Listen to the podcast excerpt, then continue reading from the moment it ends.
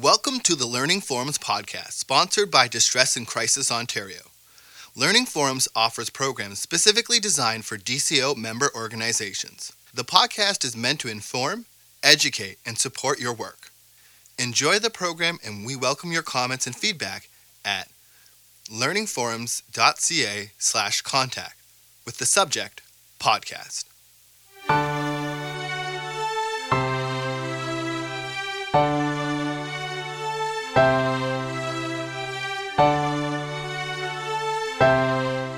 Welcome, Cynthia. Thank you for joining us. It's a pleasure to be here. Thank you. I wonder if we might start off by you telling me a little bit about how you became involved with mental health issues. Well, actually, how it started was my son became sick himself. Um, this was a very upsetting time for me. Um, of course, if anyone has a family member with a serious illness, a chronic illness, it does uh, present a lot of problems for the family. Um, in, in particular, with mental health, not very many people are prepared or aware of the symptoms as they're beginning. And my son was a teenager, and a lot of the behaviors looked to me like regular kind of teenage acting out, um, difficulties in, you know, coping with everyday life and changes in, in his life. And so it was actually um, almost uh, a full year before he was properly diagnosed. And during that year, a lot of his symptoms were more along the what we thought were perceptual kind of physical ailments. You know, he's having trouble hearing. Um, his hearing was checked and it was fine. He was having trouble seeing. His, his vision was checked and it was fine. You know, then he started with, you know, feeling tired and having difficulty with uh, focusing, and basically all of these were prodromal or pre-symptoms. Um, you know, he, they were perceptual anomalies. Um, but no one, including the, his general practitioner or any of the specialists that he went to see, picked up on it. So basically, at the end of his school year, which he really struggled to, to get through his grade nine, um, he said to me, Mom, either uh, you call 911 um, or take me to emergency because something is really wrong with me. And that's when we started the hospital emergency trips until we discovered this. So that's kind of how we, I became involved. And um, as we started, you know, he was actually admitted for three months in hospital. So as we started our road to recovery, there were a number of other parents who were experiencing similar issues, difficulties with coping and, and needing of support. So that's when I became involved in, as a volunteer in uh, PLEO, the Parent Support Group. So could you tell me a little bit uh, more specifically about your role in assisting parents and what you might say to parents who find themselves in the same sort of a situation you found yourself in? Well, I, I, start off with identifying myself as a family member, and I think that that puts them at ease right away. And they kind of, it's just like any peer support. You understand that that person probably knows where you're coming from then we usually when I when I talk to a, a, family member, I try to to tease out a bit of their story, and not just you know you know what kind of medications are they on, where have you been, you know just kind of like okay, how did this you know how, what did you see that how did you see the changes? When when did life start to become difficult for your family member? How how it, just so that they can start to look back on that time and and say you know it, it usually doesn't happen overnight but this is this is yes I see that I yeah that was a change. And I think it's important to kind of give them some some of that personal piece that story so that they can start to ease into mm, telling you what's going on right now why they made that phone call today you know what was the point of them calling. Yeah. So uh, working with that um, could you maybe tell me some of the common issues that families face as they proceed down this road? There must be some commonality. Oh, there is. There is a lot of. Um, well, first of all, there's there's grief. Okay, we deal with a, with a certain amount of grief because a, a lot of times, with the time the family member calls, they, they've been through um, a, a lot of loss. They had expectations for their loved one that may not be met now.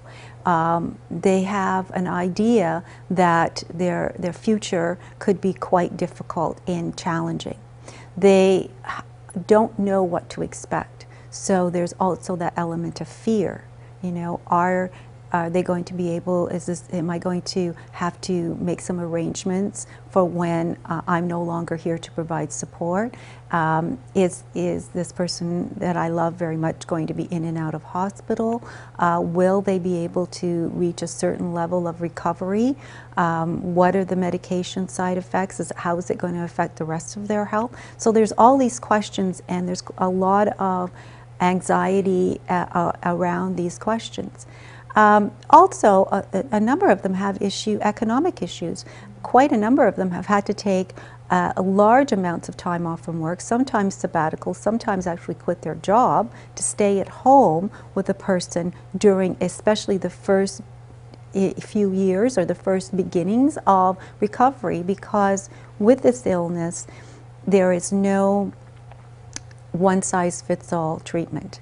So there's a lot of medication trials, and sometimes the person that they really care about doesn't see themselves as sick. So there's even, you know, a resistance to be on medication. So there's a lot, it's very complicated to actually have that person uh, sometimes accept their illness. And so that goes back to the stigma question.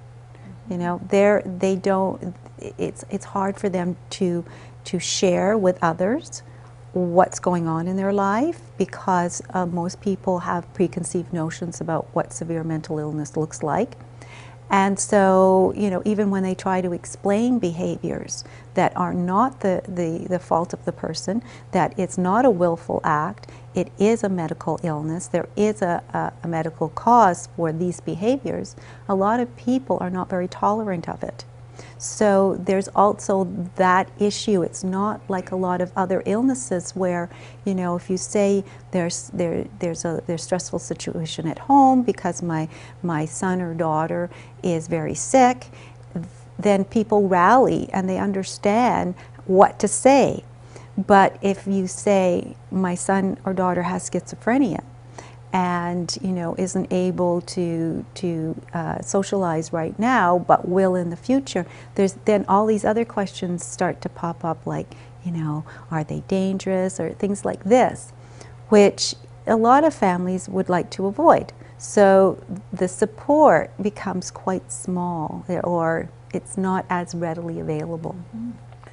Are there respite programs available for families with uh, individuals who have diagnoses of schizophrenia? I, ha- I don't know of any. And, and it's the same with children.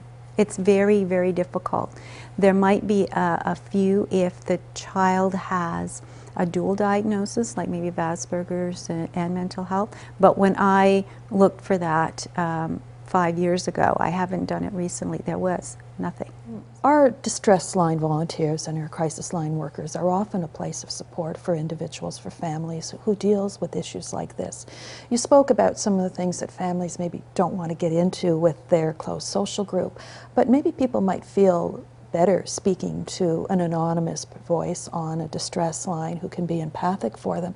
Are there some tips or some ideas about things that might be helpful for distress line volunteers to know about so that they can be helpful to families? Well, I think that um, there are several things that are important to remember when you're talking to a family member. Number one, they could be very stressed themselves. So they may th- that person may sound, um, you know, uh, frustrated, uh, angry. Um, you know, they're, they're uh, like every other health service, it's not always readily available, so they may have had difficulty uh, finding resources. So there's that frustration for them. So, and they may feel guilty. Be, you know, the, that's something that I think uh, a lot of families feel because they don't at the beginning or you know it's an education process you have to the, every family member needs to learn about the illness and learn about the symptoms I'll give you an example. If the person who is ill hear, is hearing voices or delusional or some of those outward signs of mental illness, families usually recognize that as mental illness.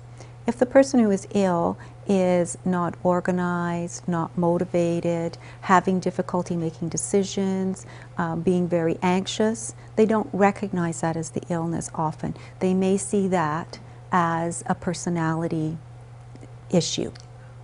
So, so often um, there's there's tension in the home if the or even if they're not living at the home there there tension between the the family members because they don't know why. Now you know you've taken your medication you you don't seem to be talking to yourself anymore or are suffering that way but you're not getting on with your life. So this is why if you under if if a person on the other end of the line can say well maybe there's other reasons why your loved one is not showing this you know road of recovery this quickly.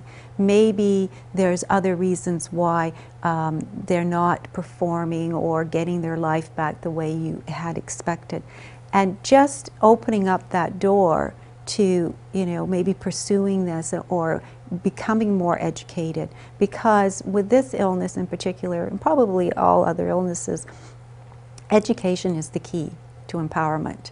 You really need to know all of these things. You need how to, to cope, how to speak to the person with, uh, and, and you know, often communication is a huge issue because if there are those symptoms still lingering, like possibly, you know, hearing the occasional voice or, you know, having difficulty focusing, then you're not going to be able to actually get the messages across very well. You may have to be patient, you may have to be repetitive, and so there's a really lot to learn. So if, if someone at the other end of the line can maybe add perspective and say, you know, um, I don't know if you do referrals, but that's something we do a lot of. Mm-hmm. Uh, obviously, I can't provide all the expertise and professionalism that's required, so uh, uh, I hope that you know I can I can uh, safely say that the programs that I refer to there will be access to, but.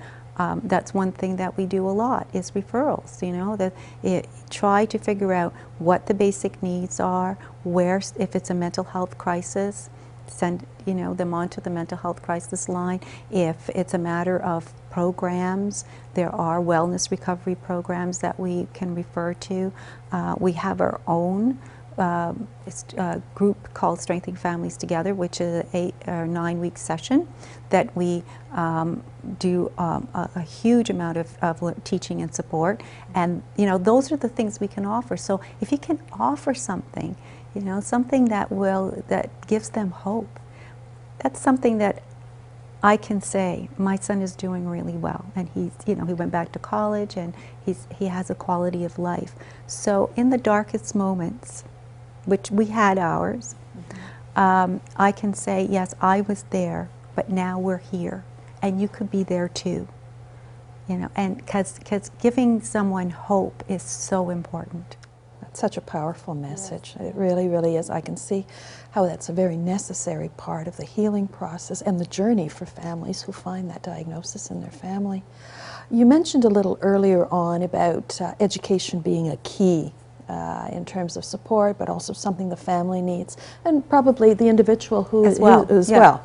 Um, are there any other maybe misconceptions or misunderstandings about schizophrenia that you might want to debunk? Well, there are, and I'm always amazed at the the things I hear. you know, like, but um, there are some things I think I'd like to mention. Um, first of all, uh, there is a genetic component, but that me all that means is the person may have a vulnerability. So there's a lot of other factors involved uh, environmental, and there's a, there's still a lot of you know theories out there about viruses and things like that. So you know, just to keep in mind that yes, it, there could be some some genetic indicators, but there's so much more. Um, one of the things that uh, I think people believe, um, often because of sensationalizing in the, in the media about dangerousness, um, it, there's very few people that are dangerous when they have mental illness. Most of the time, they're victims. Most of the time, they're isolated, and um, and a lot of the time, they're just like you and I. You're not going to have any indication that they have psychosis or they, they're suffering or they, they're, they're having to manage this illness. Um, the only uh, time that I think that there is an issue is when people are not treated.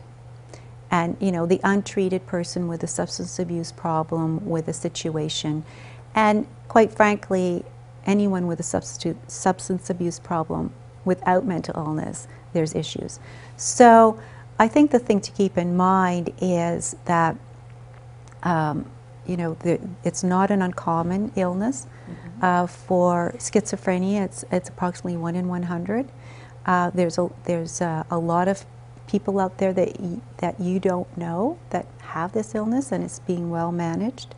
Uh, there's probably um, some ideas about what how well people can be.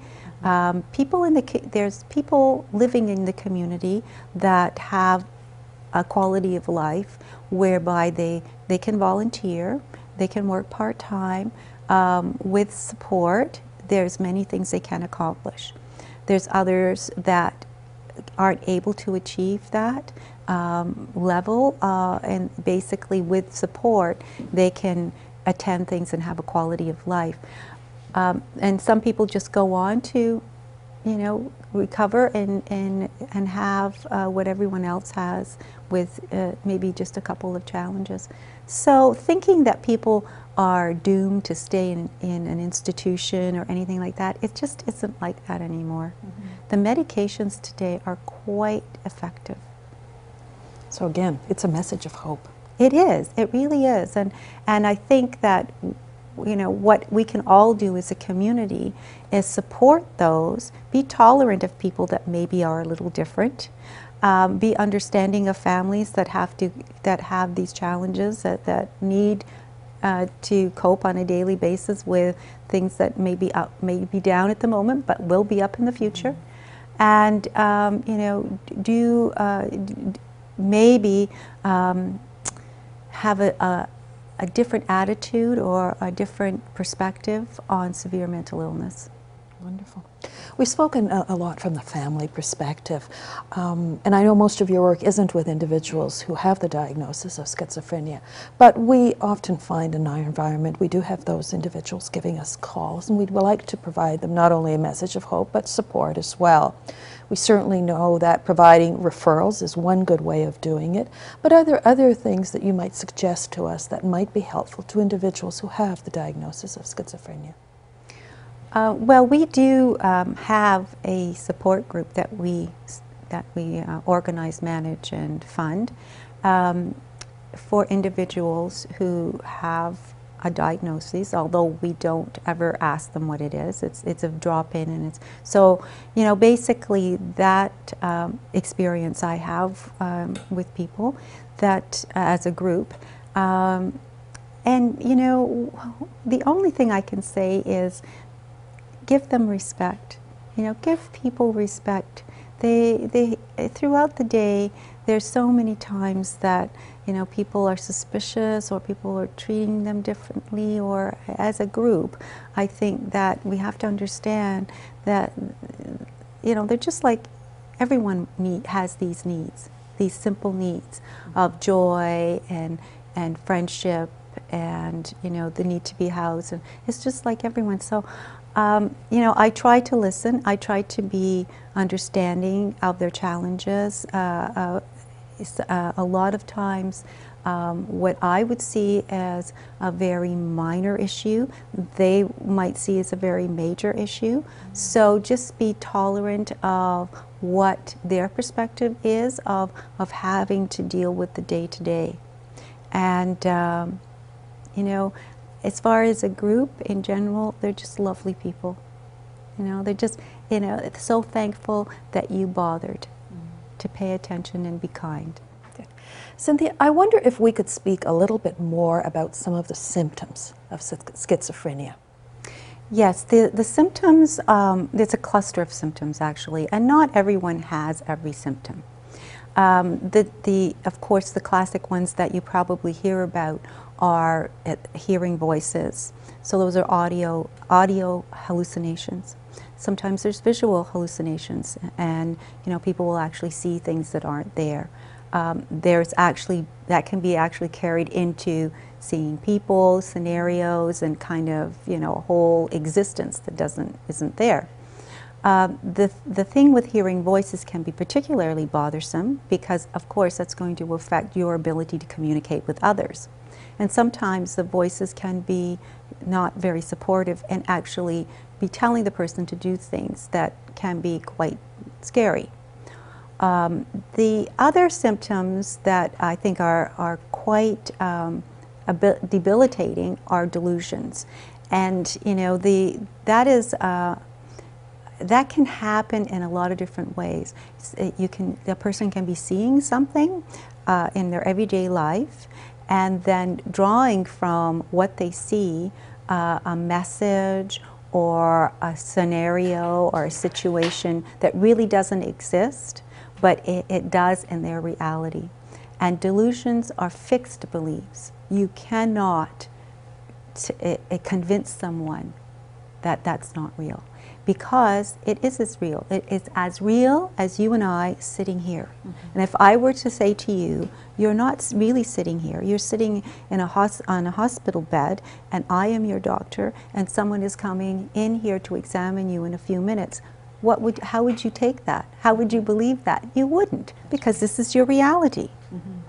So that is uh, um, maybe an, an area to consider there's no point in arguing with someone who has that delusion, uh, a de- fixed belief or a delusion.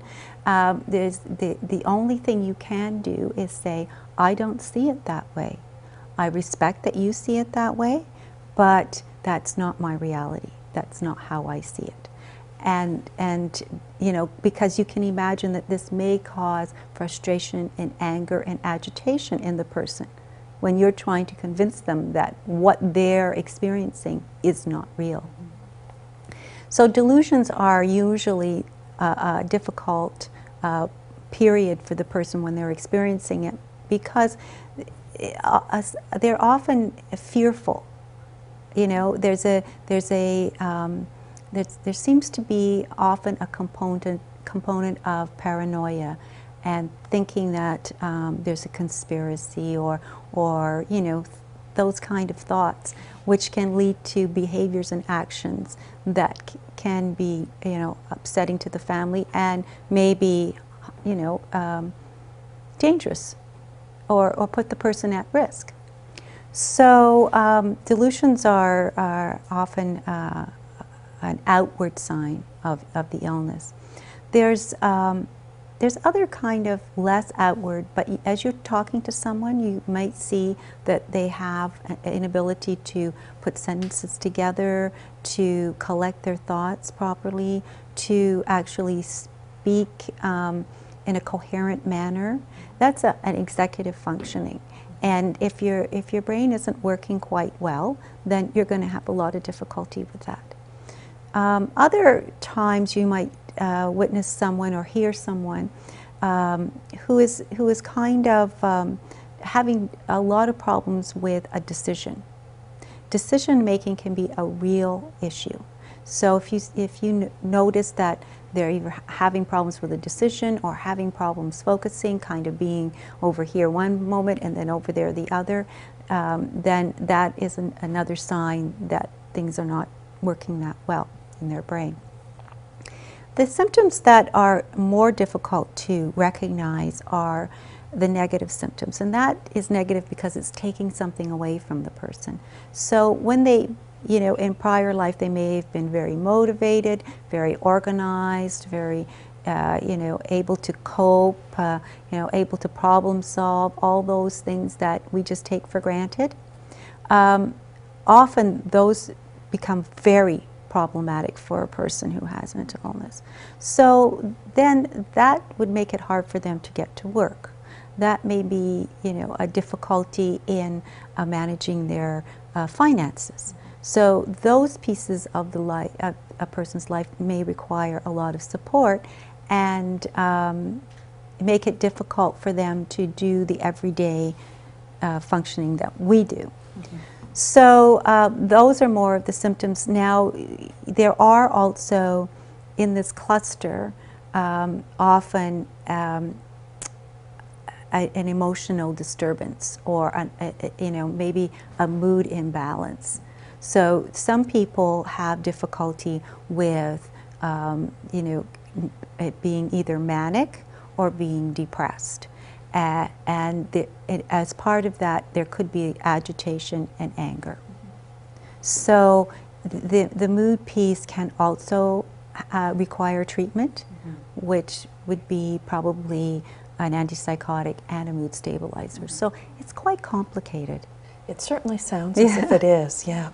Um, that leads me to wonder are certain sys- uh, symptoms profiled more in an individual as a result of their age or where they are in their life cycle, or can they appear Anytime. at any time with anyone? Um, there is childhood schizophrenia. Uh, there are people who, who have said they've had uh, hallucinations their whole life. So, I mean, we know that can happen. Um, with, it, it- it's about 50 50 male and female. However, males usually present earlier during their adolescence, and of course, there's a lot of theories of why that is, but that's what you're going to see. There seems to be uh, a, a bit of a change. Uh, I'm hearing a lot of people are having more delusions now about, um, you know, sort of aliens and science fiction type things, where in the past it was a lot of focus on religion and, you know, um, Christ thinking they're Christ or, or Virgin Mary or something about that. So people are taking from their everyday. Mm-hmm. And, and that's where a lot of the delusions start. One of the things that we do with crisis line or distress line work is we ensure that we set boundaries. And boundaries are there not only to help the individuals who we're talking to, but also to help our volunteers and our call takers. Um, what would your perspective be with regards to someone who might be particularly angry or verbally abusive on the telephone, but may either have a diagnosis or not have one as yet? Is there certain things that you, certain views that you have around that? Um, we try to impress upon our families that uh, abuse cannot be tolerated. And it's really important because families love this person and they know they're sick. So they will probably not um, maybe set the boundaries that they should.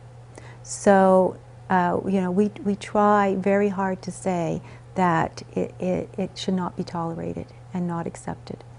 Uh, if you're talking on the phone, it, you have that distance. So you always have the opportunity to hang up. So it, you, you could let something go on a bit longer.